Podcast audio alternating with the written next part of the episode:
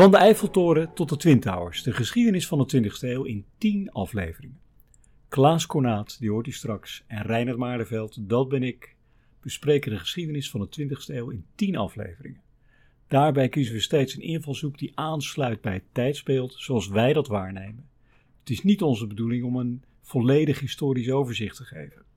We hebben voor elke aflevering wel een route uitgezet, maar we voelen ons vrij om zijwegen in te slaan, pas op de plaats te maken of juist op topsnelheid langs memorabele plekken te zoeven.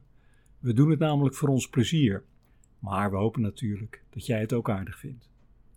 Klaas is historicus en auteur en verzamelaar van drukwerk met als specialisatie geïllustreerde tijdschriften en politieke prenten. Reinhard is historicus en uitgever van geschiedenis.nl en geschiedenisleraar.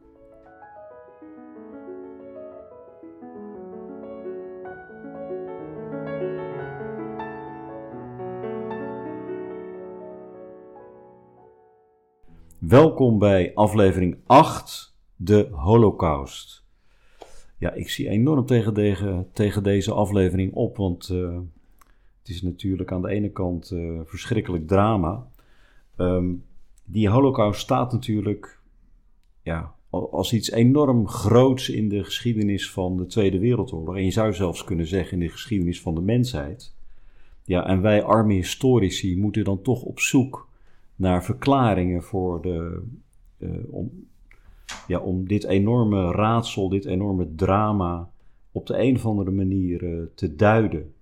En uh, ja, dat, dat is toch eigenlijk wel moeilijk. Is dit wel rationeel te verklaren? Kunnen we hier een begrijpelijke verklaring voor geven? Wat denk jij, Klaas? Nou, tuurlijk. Het is uh, heel goed mogelijk. En dat is in, in de meer recente geschiedenis ook al een aantal keren goed gedaan, denk ik. Om die realiteit in Nazi-Duitsland en de geleidelijkheid die het proces ook had, om dat stukje voor beetje, hè, die puzzel te maken en om dat te reconstrueren en dat ook te verklaren, al is het maar in, in delen. Dus dat is wel mogelijk, alleen uh, de omvang ervan en de, het, het systematische aspect van de moord op de Joden in Europa, dat blijft iets wat ja, bijna niet te bevatten is. Dus dan, word je, dan kom je elke keer weer een beetje tekort, zo zou je kunnen zeggen, met je menselijke uh, overwegingen, die toch altijd op zoek is naar een soort conclusie en naar duiding en naar uh, verklaring van dingen. Dus ja, dat, dat blijft denk ik altijd wel wringen, dat dat toch, uh, ook al ben je er professioneel mee bezig, dat dat gewoon een, ja, een hele lastig probleem blijkt om dat allemaal op orde te krijgen. Ja, want dat systematische aspect, daar hadden we het net ook even over. Die, de, echte moord, de, laten we maar zeggen, de fabrieksmatige moord begint eigenlijk vanaf uh, uh, ja, 1942, hè, na, na, de conferentie, uh, de Wannsee-conferentie. Prachtig meertje even buiten Berlijn trouwens. Ik ben er geweest in dat gebouw. Een heel bizar, bizar gebouw. Maar daarvoor was er natuurlijk al vanaf het moment dat Hitler aan de macht komt, een stap voor stap scenario naar uh, die massamoord toe. Ja, we hebben bij eerdere podcasts overwogen dat, dat uh, hoe je het ook went of keert, Hitler wel, vooral in het begin van zijn carrière, heel snel leerde van wat hij deed. En hij heeft in gevangenschap, deels gevangenschap in de jaren twintig, Ehm, ja, de idee ontwikkeld samen met anderen natuurlijk. Dat het heel effectief kan zijn om een, ja, een, uh, een zwart schaap in de maatschappij aan te wijzen die de schuld is van alle kwaad. En daar heeft hij de Joden, dat antisemitisme, wat toch wel bij heel veel mensen sluimerend leefde, dat heeft hij aangewakkerd en gebruikt om aan de macht te komen. En toen hij eenmaal aan de macht was, toen heeft hij dat ook weer als middel gebruikt om de staat eenheid te geven en om die gemeenschappelijke vijand te gaan uh, bestrijden. Dus in de jaren 30 zie je dat hij de, de Joden isoleert en hun bezittingen afneemt en agressie op straat ontwikkelt om ja, hun ruit in te gooien en hun leven moeilijk en zuur te maken. En vanaf 738 zie je dan dat de Joden eigenlijk volledig hun rol in de Duitse samenleving hebben verloren. En uh, het is pas met het uitbreken van de Tweede Wereldoorlog dat er dan systematisch, ook in de bezette gebieden, wordt besloten dat de Joden ook geen plaats meer hebben in het nieuwe Duitsland. Dus dat Nee. ze systematisch vermoord moeten worden. Ja.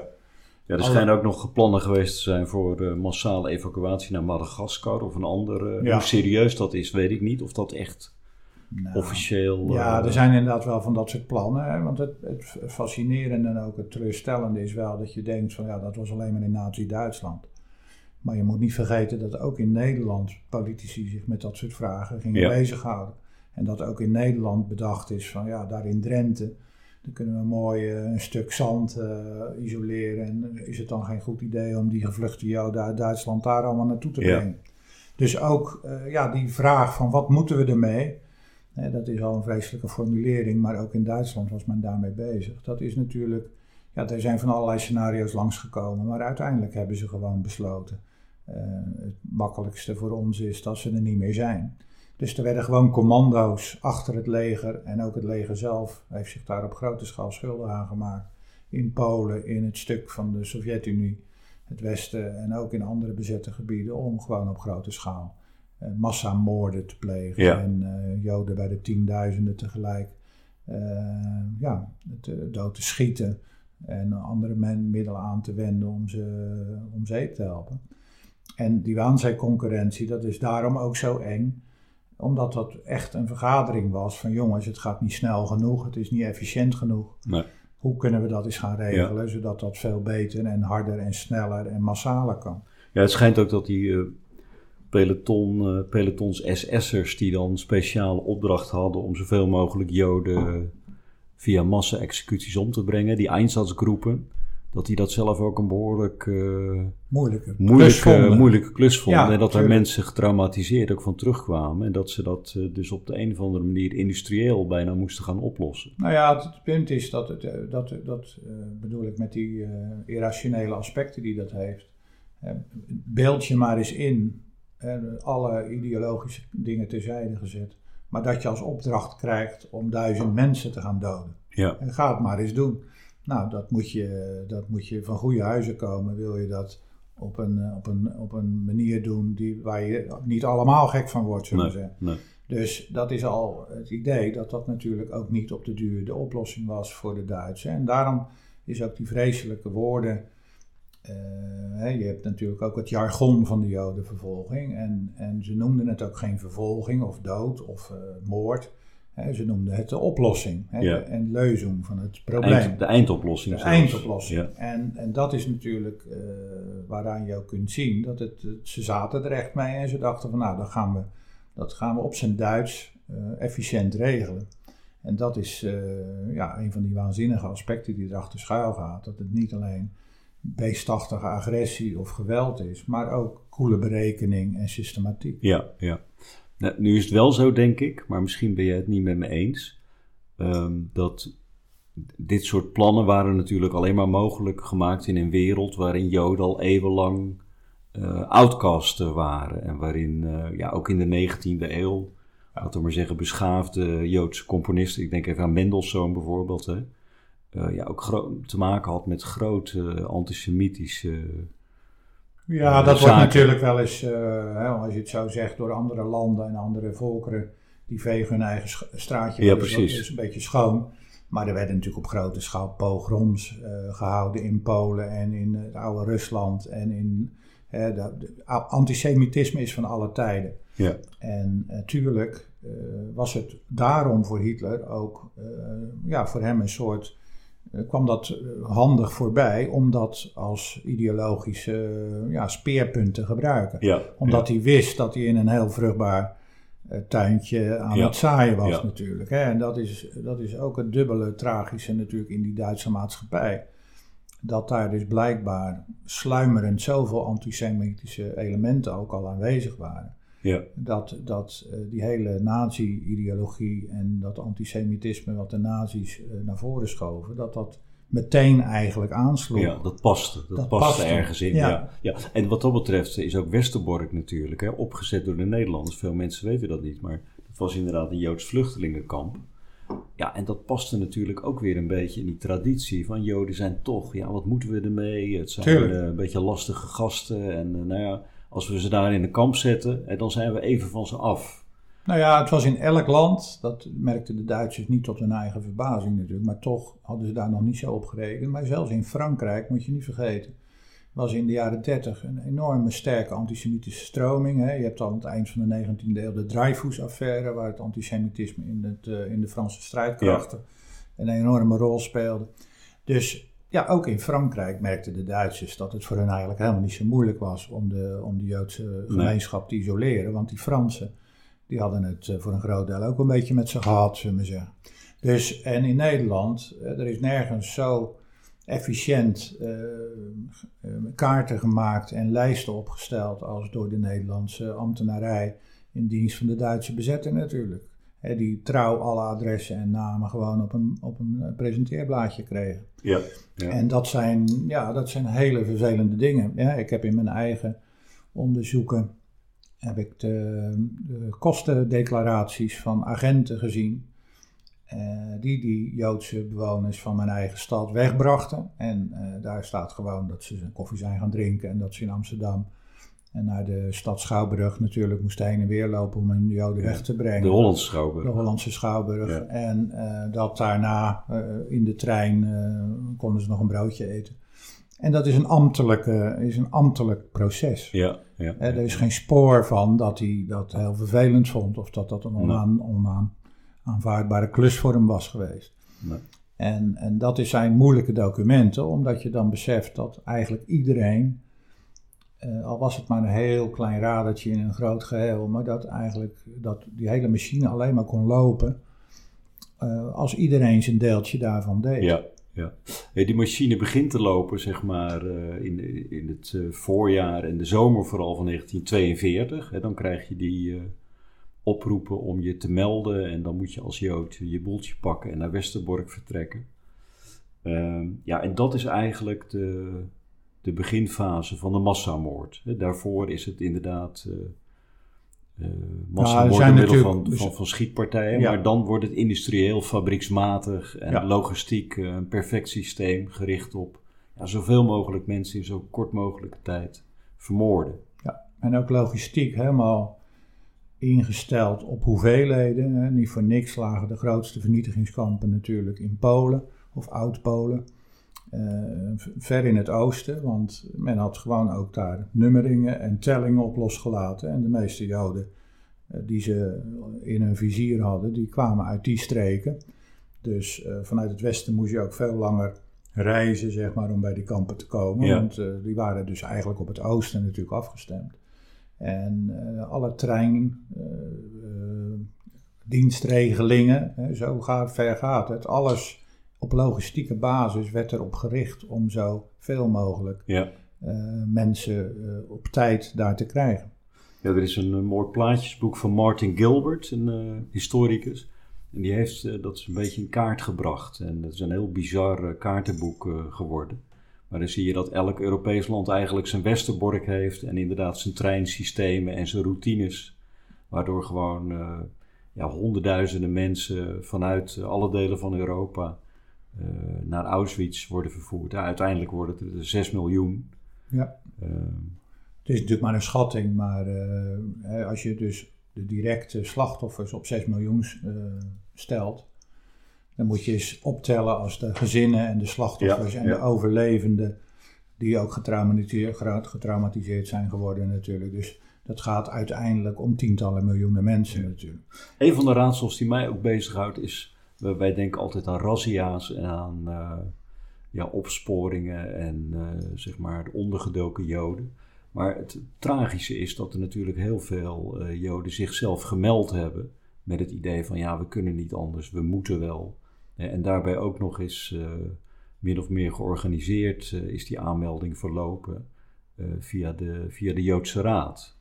In, ja, in Amsterdam hebben ze natuurlijk een instelling gemaakt om de communicatie goed te laten verlopen, was het idee. Ja, het maar, voorwensel. Het voorwensel, maar ja, natuurlijk moet achteraf geconstateerd worden dat die in feite die Duitse operatie gefaciliteerd hebben. Alleen ja, natuurlijk met totale tegenzin en natuurlijk ook wel met het idee dat ze misschien voor een groot deel niet anders konden. Ja. En ook naïviteit. Er zijn natuurlijk ook genoeg mensen geweest die echt gedacht hebben dat het zo erg wel niet zou zijn.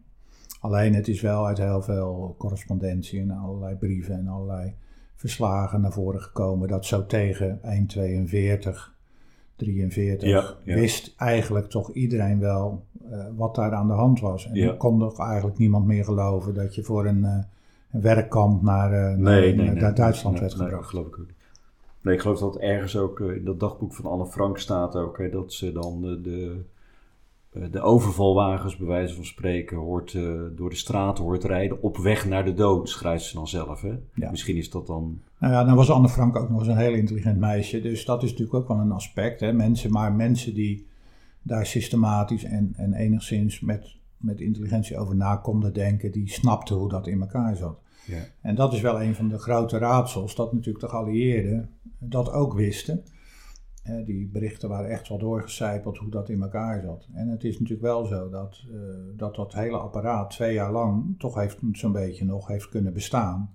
Zonder dat, eh, dat er eh, ja, bombardementen of op andere manieren dat systeem ontregeld is. Dat is natuurlijk ook wel een Ja. van de vragen van de, van de geschiedenis, waarom dat niet gedaan is. En nog even terug naar die, die, die zekerheid of ja, waar ze naartoe moesten vanuit Westerbork. Ja, ik denk toch dat heel veel mensen tot op het laatste moment de hoop hadden dat het niet waar zou zijn wat ze droomden in hun ergste eh, nachtmerrie, zeg maar. In in het, we hebben het eh, in het vorige gesprek even gehad over het boek van Primo Levi, Italiaanse Jood die in 1943 in Auschwitz belandt. En die schrijft daar ook over, dat sommige mensen blijven maar tot op het perron denken van, ja, maar dit kan niet waar zijn, dit is, eh, er zal iets anders met ons gebeuren, we moeten worden te werk gesteld, maar dit kan het niet zijn. Nee, En- dat en- geloof ik ook wel. De, de menselijke natuur is ook uitgerust om dingen weg te duwen, zeg maar. Ja, om ja. een te harde realiteit misschien niet te aanvaarden. En ik denk dat dat, natuurlijk, bij een groot deel van die slachtoffers heeft dat ook een rol gespeeld. Die dachten van ja, dit, dit kan niet waar ik in zit. En die hebben dat ontkend of niet geloofd. Dat geloof ik ook Ja. wel. Ja. Wat misschien ook wel, wat ik ook altijd raadselachtig vind zelf, is de reactie van eh, zeg maar de, de niet-Joodse Nederlanders, die blijkbaar toch ineens mensen uit de samenleving zagen verdwijnen. Het zij ondergedoken, het zij opgepakt, het zij zelf eh, een kaartje gekocht eh, richting Westerbork. En dat die daar dan ook maar dat voor kennisgeving aannamen. Zo van, hé, hey, dat is gek. Die, eh, die is gewoon vertrokken. Die hele familie is weg. Dat huis staat leeg. Ja, ja, ja, wat kunnen wij eraan doen? Dat is lastig, lastig. Ja, nou ja, dat is een van die irrationele elementen, de, de schuldvraag. En de schuldvraag is natuurlijk niet altijd alleen maar de man die uiteindelijk de trekker overhaalt of de man die, Nee, eh, nee. die de trein bestuurt. Maar de schuldvraag ligt veel ingewikkelder. En een van die vragen is natuurlijk precies dat. Hoe komt het dat honderdduizenden Joden uit een samenleving kunnen worden weggehaald, hè, opeens verdwijnen, zo, zo was het toch wel. Zonder dat andere bevolkingsgroepen, hun buren, hun klasgenoten, hun eh, leraren, wie dan ook, eh, daar opvallend tegen geprotesteerd hebben. Ja. Dat, is, dat blijft een raadsel. Eh, maar ja, daar zit dan misschien toch ook wel angst achter, het eigen overleven. Je kon, Ja, ja, ik denk dat dat... dat is natuurlijk wel, hè, je kon niet protesteren, je kon niet zomaar nee, iets wat zeggen. ging je doen? Wat ging je doen? Ja. Maar het is wel gebeurd. Het is wel gebeurd dat het bijna geruisloos heeft plaatsgevonden. Ja. En dat is wel, eh, ja, dat is ook wel dubbel dramatisch. Ja. Mijn moeder vertelde altijd over een eh, Joods vriendje dat ze had, als, het, als we het over de oorlog hadden. Dat was Benny van Zanten. En ik heb hier een eh ansichtkaart van hem, handgeschreven, aan jonge dame Joke Schouten, Leverikstraat 9, Vlaardingen, Ambacht. Vlaardingen Ambacht was toen nog zelfstandig. Afzender Benny, eh, hij is uit 1936. En aan de andere kant staat een afbeelding van Shirley Temple. Een brutaal eh, kindsterretje zouden we dat nu noemen. Die ook heel brutaal de kamer in kijkt. Benjamin van Zanten staat ook op eh, het joodsoorlogsmonument.nl. Dat is, dat is eigenlijk een ja, fascinerende, hele kale, maar ook een eh, ja, hele emotionele site, vind ik. Daar staan dus alle Nederlandse Joden die, eh, waarvan we de namen weten, eh, staan daarop aangegeven met familieverbanden en ook met foto's. En ik vond inderdaad een familiefoto van eh, de familie van Zanten. En daarop staat Benny links. Hij is, hij is van 1927. En het bijzondere is, zag ik vandaag, hij is geboren op 24 februari, precies de datum waarop we deze podcast opnemen. En hij zou vandaag 95 jaar zijn geworden. Maar helaas is hij in Sobibor op 9 juli 1943. Hoe ze dat precies weten, weet ik ook niet hoor. Nou, Maar dat is, is die- natuurlijk is die ook- omgekomen. Dat is natuurlijk ook het. eh, daar hebben we het al over gehad, maar dat blijft verbijsterend. Is dat de Duitsers daar. Op het laatst werd dat natuurlijk ontregeld en ze hebben ook veel vernietigd. Maar de Duitsers hielden alles bij. Dus eh, er zijn heel veel dingen teruggevonden waarin je ja, bijna één op één kunt zien wie wanneer aankwam, wie wanneer werd vermoord, eh, op welke datum en wat de naam precies waren waar ze vandaan kwamen. Ja. En dat is natuurlijk eh, bijna dwangmatig vastgelegd. En Ja. dat is maar goed ook. Ik, ik daarom verdenk, weten ik we verdenk- nog veel dit. Ja, ik verdenk die Duitsers wel van dat ze dit dan achteraf rubriceerden hoor. Maar goed. Maar even afgezien daarvan, we kwamen terug, even terugkomend op dat, eh, dat passieve gedrag van die Nederlanders. Mijn moeder, die had ook nooit het idee van eh, dat ze daar iets aan kon doen. Weet je, ik heb haar dat ook nooit gevraagd natuurlijk. Eh, dat kwam waarschijnlijk ook bij mij niet op. Daar denk ik nu pas over na. Maar eh, zij ervoer het, of ervaarde het als een... Ja, hij was er plotseling niet, plotseling niet meer. Hij was, hij was meegenomen door de Duitsers. Ach, ach, die Benny, Benny, Benny, Benny. Hij was zo lief en hij praatte zo netjes. Ja, ja. Zei hij altijd. Maar hij was, op een gegeven moment was hij er gewoon niet meer. Nee, maar ja, je moeder was natuurlijk zeg maar 14, 13, 14 Ja, in de ja. oorlog. Dus de jongvolwassenen die klasgenoten opeens misten, die vroegen thuis ongetwijfeld, denk ik, van joh, waar, waar zou die dan opeens zijn?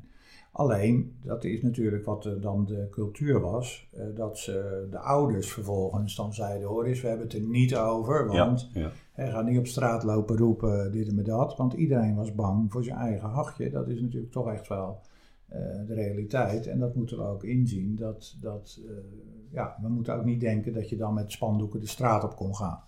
Dus zover is het natuurlijk wel begrijpelijk. Maar desondanks was er ook een cultuur waarin de, ja, de molens draaiden. En zolang je maar zelf daarin kon functioneren, accepteerde je eigenlijk alles wat er met andere mensen gebeurde. En Ja. dat, is, eh, ja, dat is heel pijnlijk om dat, eh, om dat eh, te zien.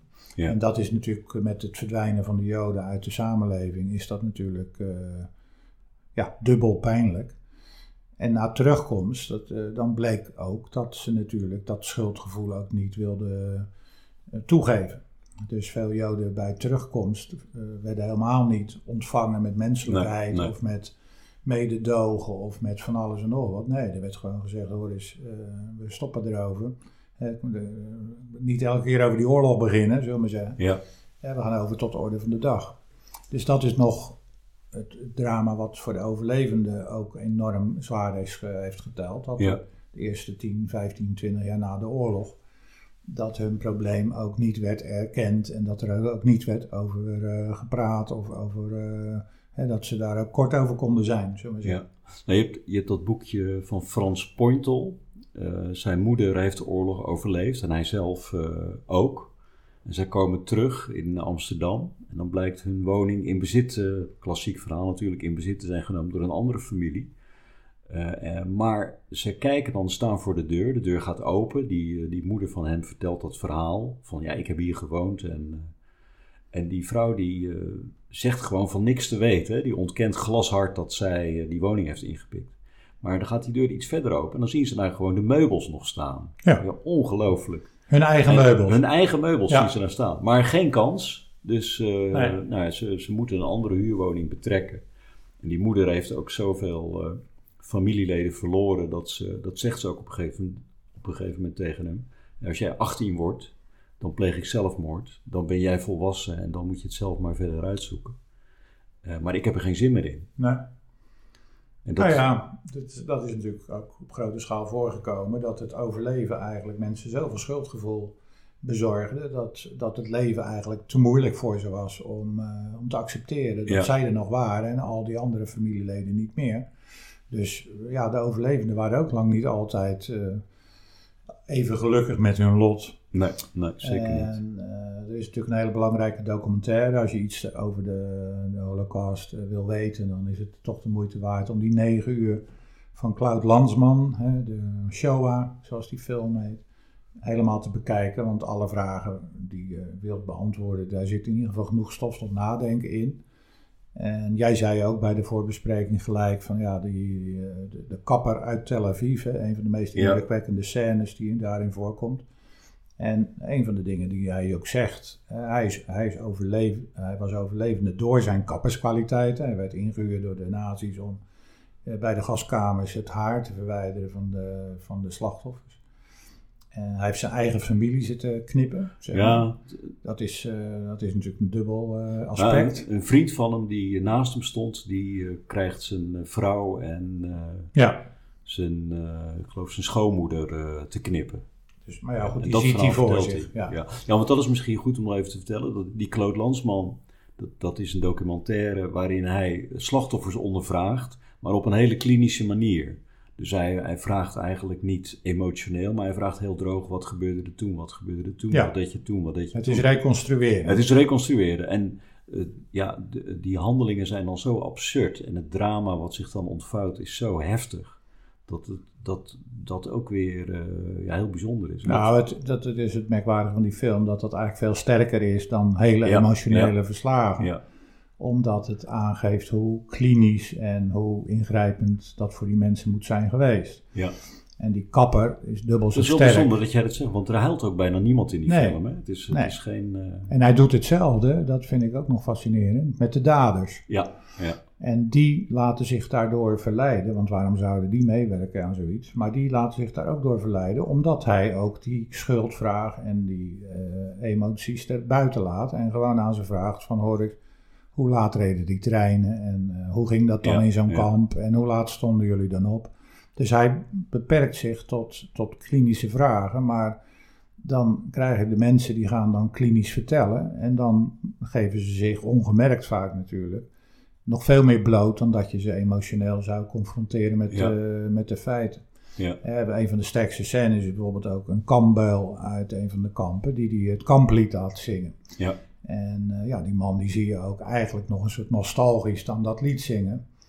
Terwijl Ja. hij niet in de gaten heeft dat het natuurlijk juist aangeeft hoe, ja, hoe afgrijzelijk dat wel niet is eigenlijk. Als je, eh, hè, als je daden eigenlijk nog een soort nostalgische hang ja, naar die tijd eh blijk geeft te bezitten. ja. En, en zo zit die film natuurlijk vol met, met hele ja, veelzeggende fragmenten die juist aangeven, die stukjes van zo'n puzzel, die, hoe ingrijpend dat voor, de, voor Duitsland, maar voor eigenlijk hè, de mensheid in, in grote lijnen is geweest. Ja. Ja, dat aspect van onmenselijking zit er ook heel erg in. Ja. Wat ook in de boeken van Primo Levi, wat we hadden net over die terugkeer van Frans Pointel, dat dat uitdraait op de zelfmoord van zijn moeder. Maar die Levi heeft dat hetzelfde. Je, bent, ja, je wordt onmenselijkt hè, en eh, daarvan kun je wel, je kunt overleven. Maar als je die status hebt gehad, dan ben je eigenlijk toch geen mens meer. Nee. Ook al ben je in 45 bevrijd uit Auschwitz en kan je weer terug naar Italië.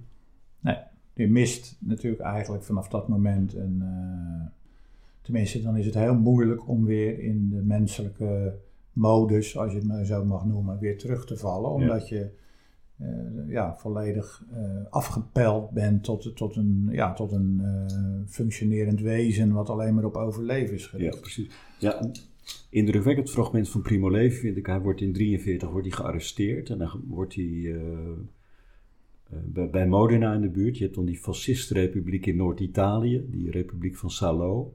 Eh, Mussolini is dan daar nog eh, in naam de baas.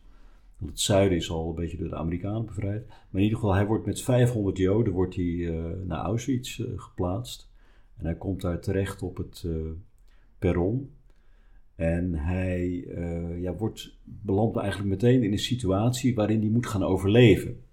En dat is ook een groot thema van dat boek. Hè? Ehm, dat hij zichzelf ook schuldig verklaart, min of meer, omdat daar dingen gebeuren in dat kamp zelf om maar te overleven. En zijn grote eh, credo is: je moet geen fouten maken. Want een fout kan je het leven kosten. Nee, en een tweede is, eh, wat, ik, wat ook altijd terugkomt, is dat je niet moet opvallen. Dus je duikt een soort onder. Je zorgt dat degene die lopen te zoeken naar agressie en naar, eh, naar manieren om mensen slachtoffer te maken van hun driften, noem het maar zo. Daar moet je onzichtbaar voor blijven. Dus En als je een fout maakt of je doet iets wat buiten het potje valt, dan val je op. Ja. En dan ben je de klos. Dus je moet, ja, je moet er een soort niet meer zijn. Dat Ja, is eigenlijk eh, het, het, het credo om daar te overleven. Ja. Nou ja, en als je dan die omstandigheden bedenkt waaronder je dat moest doen, dan is eh, voor iedereen duidelijk dat dat, ja, dat, dat een, eh, een vrijwel onhaalbare kaart is. En dat er natuurlijk ook heel veel zijn geweest die dat succesvol anderhalf jaar of een jaar hebben volgehouden. Maar vervolgens toch die ene fout hebben gemaakt en daardoor eh, ook niet overleefd hebben. Dus eh, het is natuurlijk een, eh, ja, het was echt een Russisch roulette, zou je dat zou mogen noemen. En wat dat betreft blijft dat een verbijsterend, verbijsterend mechanisme. Ja. Ja, wat hij, hij vertelt op een gegeven moment ook, als er dus mensen in die barak waar hij ligt sterven, die, die, die mensen hebben een paar spullen bij zich die eigenlijk eh, ja, de kans op overleven vergroten. Dat zijn schoenen. Zonder schoenen red je het niet. Eh, maar ook een lepel en een mok. En ja, als je een van die drie dingen kwijtraakt, dan ben je eigenlijk tot ondergang gedoemd. Dus op het moment dat iemand ligt te sterven, dan verzamelen zich daar kandidaten omheen om zo snel mogelijk een van die drie items eh, te rousen. Ja, en dat, dat is ook natuurlijk een proces eh, wat die onmenselijking eh, teweeg brengt. Je, gaat zelf ook, je gaat je gedragen als iemand anders. Hij beschrijft ook als hij op het perron staat, dan ziet hij dus zo'n joden werkcommando ziet hij voorbij komen. Dus man in streepjes pakken, totaal vermagerd, die naar zijn eh, waarneming heel houterig bewegen met kale koppen. En hij ervaart dat niet als mensen. Hij zegt, wat zijn dit voor types? Wie zijn dat? Maar dan voelt hij al dat hij zelf ook zo zal worden. Ja. En in dat opzicht is dat boek van Levi vind ik wel eh, super indrukwekkend. eh. Ja, nou ja, er zijn een paar bronnen, denk ik. Ja, er zijn tientallen natuurlijk, maar er zijn een aantal eh, persoonlijke belevenissen die ja, alles in zich hebben om de, de menselijke, ja, de veronmenselijking van het systeem aan te voelen. Alleen, waar we mee begonnen is toch wel belangrijk. eh, die, eh, dat is het moeilijke van dat probleem, is dat die individuele belevenissen, die zijn enorm indrukwekkend en, en daar kan je een deel van de waarheid te weten komen. Alleen als je dan eh, naar de veralgemenisering van het probleem gaat, ja. ja, dan is het weer lastig om dat systeem als geheel eh, te duiden in de zin van hoe heeft dat in vredesnaam kunnen gebeuren. Ja. Een van de vorige podcasts hebben we al gememoreerd dat als je in 1975 door Duitsland liep, dat je toch eigenlijk alweer het idee had dat je door een hele beschaafde, eh, vriendelijke natie liep, die hardwerkende mensen die allemaal mooie dingen maakten en die al heel snel eh, economisch erbovenop waren. En dan is de vraag natuurlijk hoe het in godsnaam mogelijk is dat die 70, 80 miljoen mensen die daar woonden, eh, binnen 30, 40 jaar eh, van bijna beesten, om het maar zo eens te zeggen, die Ja. zo'n systeem in, in gang zetten en eh, konden volhouden. eh, weer kunnen terugschakelen naar een eh, doodnormaal, functionerend, democratisch geregeerd volk. Ja. En dat is natuurlijk de vraag, hè? hoe is het mogelijk dat doodnormale mensen, eh, treinmachinisten, bakkers, eh postbodes, dat die zich in laten schakelen in zo'n systeem. Ja. En dat was natuurlijk ook de verbijstering van het proces van Eichmann bijvoorbeeld. Die Eichmann was natuurlijk een dader. ja. De, Alleen- de, ar- de architect zeg maar, van het logistieke van het systeem. logistieke systeem. Hè. Het was een van de raderen die toch wel heel centraal waren in het systeem. Maar het was een doodgewone pennenlikker. Hè. Het was een doodgewone man. Ja. En eh, dat was wel even schrikken, want mensen wilden natuurlijk daar ja, een, Duivels, een monster eh, zien. Ja, ja. En eh, ja, dat was het gewoon niet. En dat, daar komt ook dubbel hard binnen dat dat, dat systeem door doodnormale mensen is uitgevoerd. Nou ja, wat mij betreft, maar de, misschien dat we daar een beetje van mening over verschillen, is dat ook de, laten we zeggen, het unieke van die holocaust. Hè? Dat het een, een systeem is waarbij eh, systematisch, jarenlang voorbereid, eh, bureaucratisch een massamoord wordt georganiseerd. En dat onderscheidt zich misschien toch wel van, ja, eh, wat mij betreft ook even heftige genocidepraktijken als de moord... eh, eh, de moordpartijen in Rwanda of op de, op de Armeniërs. Ehm, ik vind het moeilijk om daar wat over te zeggen hoor, maar ik vind nog steeds die holocaust, maar dat komt misschien ook wel door mijn moeder en Benny, vind ik toch nog steeds een heel uniek en ook, toch ook wel een mysterieus, mysterieus verhaal. Nou ja, het is natuurlijk des te, uh, nogmaals, het komt des te harder binnen. Uh, omdat het niet in het verre Afrika of in dat rare nee, Turkije, nee, zullen we nee. zeggen, al even oneerbiedig gesproken. Maar dat het je buurman is geweest. En het vriendje van school. En uit een beschaafd land voorkomt, hoor, wat jij net ook zei. Het land van Goethe en Mendelssohn en Faust en uh, weet ik veel wat allemaal voor uh, prachtige romantische uh, ja. literatuur. Ja, want dat komt enorm goed aan in de Duitse museale wereld. Die hebben inmiddels natuurlijk ook die holocaust en andere dingen een plaats gegeven. En dat hebben ze denk ik op een, op een uitzondering daar gelaten op een goede manier gedaan. Maar dan loop je inderdaad langs dingen dat je denkt van, nou ja, dat is onvoorstelbaar wat die natie allemaal heeft voortgebracht aan cultuur en aan wetenschap en aan, ja. en aan uh, economische kracht en, enzovoort enzovoort. En als je dan bedenkt dat diezelfde mensen dit systeem hebben uitgevonden en jarenlang hebben uitgevoerd, ja, dat is heel moeilijk met elkaar te rijmen. En dat blijft natuurlijk toch een, uh, ja, een soort uh, raadsel waar je een leven lang over kan doen om het op te lossen, zullen we zeggen. En, maar het is natuurlijk, als je historicus bent, is het wel een van de uitdagingen om daar een verklaring voor te vinden. En dat kan ook gewoon in je eigen stad. Uh, ooit ook uh, natuurlijk gepubliceerd over de uh, Tweede Wereldoorlog in, in Vlaardingen, Schiedam en deze omgeving. En dan zie je dat gewone politiemensen, brave Hendrikken, ja, en ja. gewoon mensen die, die eigenlijk geen vliegkwaad deden in hun, in hun hele leven niet, maar toch ook hun rol hebben vervuld en zonder protest en veel uh, opbaar, misbaar. En dat gewoon ook gedaan hebben. En dat je denkt van ja, heb je dan niet uit je ogen gekeken? Hè? Heb je dan niet uh, werkelijk nagedacht over wat je daar aan het doen was? En dan blijkt in de realiteit dat heel weinigen dat maar hebben gedaan. Ja. En dat is wel eens uh, heel confronterend. En je moet ook de vraag stellen, hoe was je daar zelf in geweest? Hè? Wat had je zelf gedaan? Uh, wat je, had je, was je voor je Joodse buurman door het vuur gegaan? Was je opoffering ervoor uh, getroost? Ik weet het niet. Ik weet het ook niet, nee.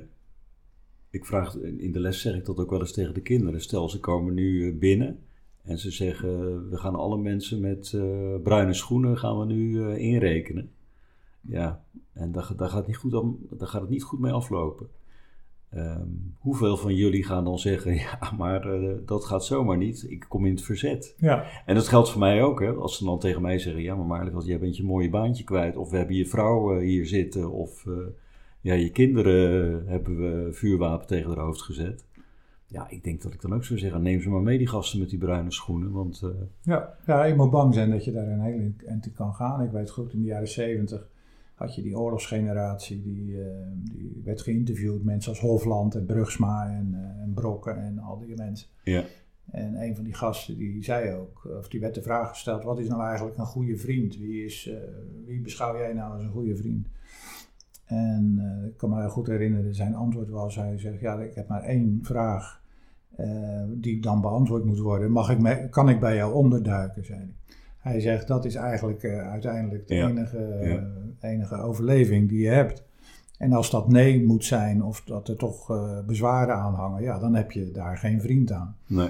En dat is natuurlijk een hele harde en, en, en, en, moet je dat zeggen, confronterende constatering. Maar ik ben bang dat die wel juist ja. is. Ik, ik weet niet of ik iemand zou laten onderduiken. Nee, ik weet het ook niet. ik moet eerlijk zeggen dat ik, ik heb ook geen plek. Weet. Ik heb geen plek, sorry. Ja, ja de, de zolder staat vol. Dat is, ja. Nee, maar je kunt er natuurlijk lachen, lachen over doen. Maar het is natuurlijk wel. Ja, we zitten hier te lachen bij de holocaust. Het is, dat is wel schandalig, maar het is wel zo. Want de mensen die dat hebben gedaan, dat, er zijn ook zoveel voorbeelden van. Mensen, niet alleen voor betalingen, dat werd natuurlijk ook gedaan. Maar mensen gewoon uit ideologische overweging laten onderduiken. Ja, je, je riskeerde gewoon je hele familie ja, en ja. ieders leven. En ja, dat doe je niet zomaar.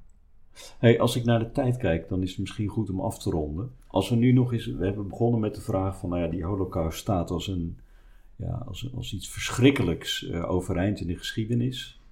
Um, is het mogelijk om dat rationeel te verklaren of moeten we dat toch nog steeds als een uh, raadsel blijven beschouwen? Wat denk jij?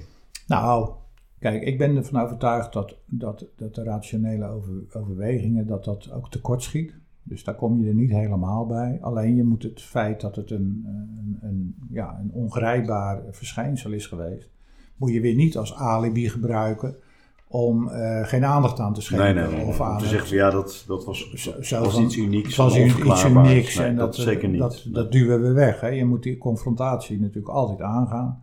En we moeten daar eh, geen moment eh, overslaan om het eh, eraan te denken en om mensen, eh, zoals zo'n Benny, hè, dat is natuurlijk Ja. prachtig om daar een foto van te hebben, om zijn naam te noemen en om te zeggen, hè, dat vind ik ook het geniale van dat eh, monument in Westerbork, hè, met al die steentjes. Ja, dat is prachtig. Dat is prachtig. Waarom? Omdat je laat zien wat de massaliteit niet is. En ook het persoonlijke. eh, iedere ster is iemand geweest. En dat is natuurlijk eh, ontzettend belangrijk. Dat we dat, die massaliteit en al die levens en al dat talent wat verspeeld is. Dat we, daar, eh, dat, we dat blijven herinneren. Ja. En dat we dan niet helemaal in ons mensenleven toekomen aan de, aan de van 100% verklaring. Ja, dat vind ik ook dan niet zo erg, weet je. Anders we ons er maar eh, genoeg eh, mee bezighouden. Precies. Ik ga deze uitzending opdragen aan Benny van Zanten. Benjamin van Zanten. lijkt me heel goed. En zijn zus Vandaag, Keetje. vandaag 95 Vandaag zou hij 95 jaar zijn geworden. Zijn zus Keetje van eh, 1930 en zijn eh, broer Aaron van 1923. Nou ja goed, Benny die, eh, is in die zin nog niet vergeten gelukkig. Zo is het. Ik vond het een moeilijke uitzending Klaas, ik ben blij dat hij erop zit. Is ook zo, maar we moeten hem zeker maken. Ja. En eh, dat geldt natuurlijk voor meerdere onderwerpen, maar eh, dat voor dit, eh, epi- deze tragische episode zeker. Ja. En we moeten ook niet vergeten dat de verbinding misschien naar de volgende, we gaan de Koude Oorlog en allerlei naoorlogsconflicten nog eh, doen. En een van de dingen die daar natuurlijk enorm mee samenhangen is de, is de wording van de staat Israël. Een direct natuurlijk gevolg van eh, wat de gebeurtenissen van de Tweede Wereldoorlog. Zodat eh, daar zie je ook weer eens aan dat alle historische verschijnselen en problemen natuurlijk aan elkaar vastzitten en allemaal met elkaar te maken hebben. Wijs woorden, daar houden we het bij. Mensen bedankt voor het luisteren, tot de volgende aflevering.